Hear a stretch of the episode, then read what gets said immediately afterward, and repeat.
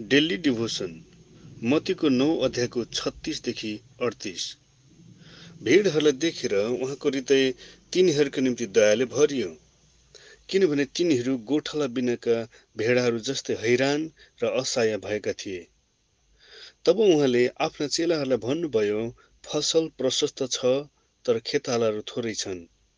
यसकारण फसलका प्रभुलाई प्रार्थना गर र उहाँले आफ्नो फसलमा खेतालाहरू पठाइदेऊन् यसु प्रभुले पृथ्वीमा उहाँको सेवा सुरु गरी परमेश्वरको राज्यको बारेमा बताउन लाग्दा उहाँको पछि मानिसहरूको भेड जम्मा हुन थाल्यो।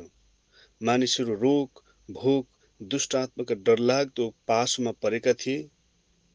यसुले निको पार्दै स्वतन्त्र गर्दै स्वर्गको राज्यको बारेमा बताउनु भयो ती भेडहरू गोठाला बिनाका भेडाहरू जस्ता थिए।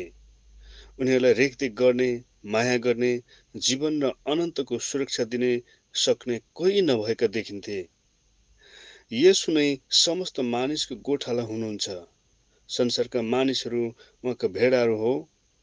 यसुले चेलाहरूलाई भन्नुभयो फसल प्रशस्त छ तर खेतालाहरू थोरै।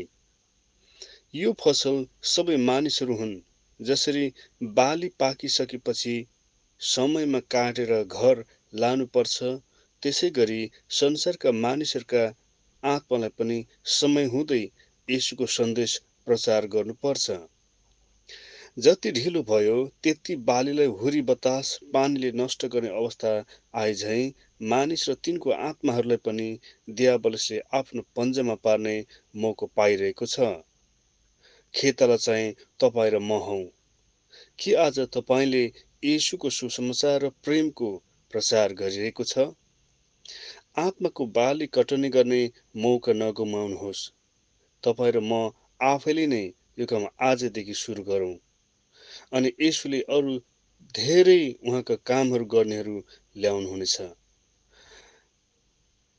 कम्तीमा दिनमा वा हप्तामा एक दुईजनालाई यसुको बारेमा बताउन सकौँ भने योजना बनाउनुहोस्।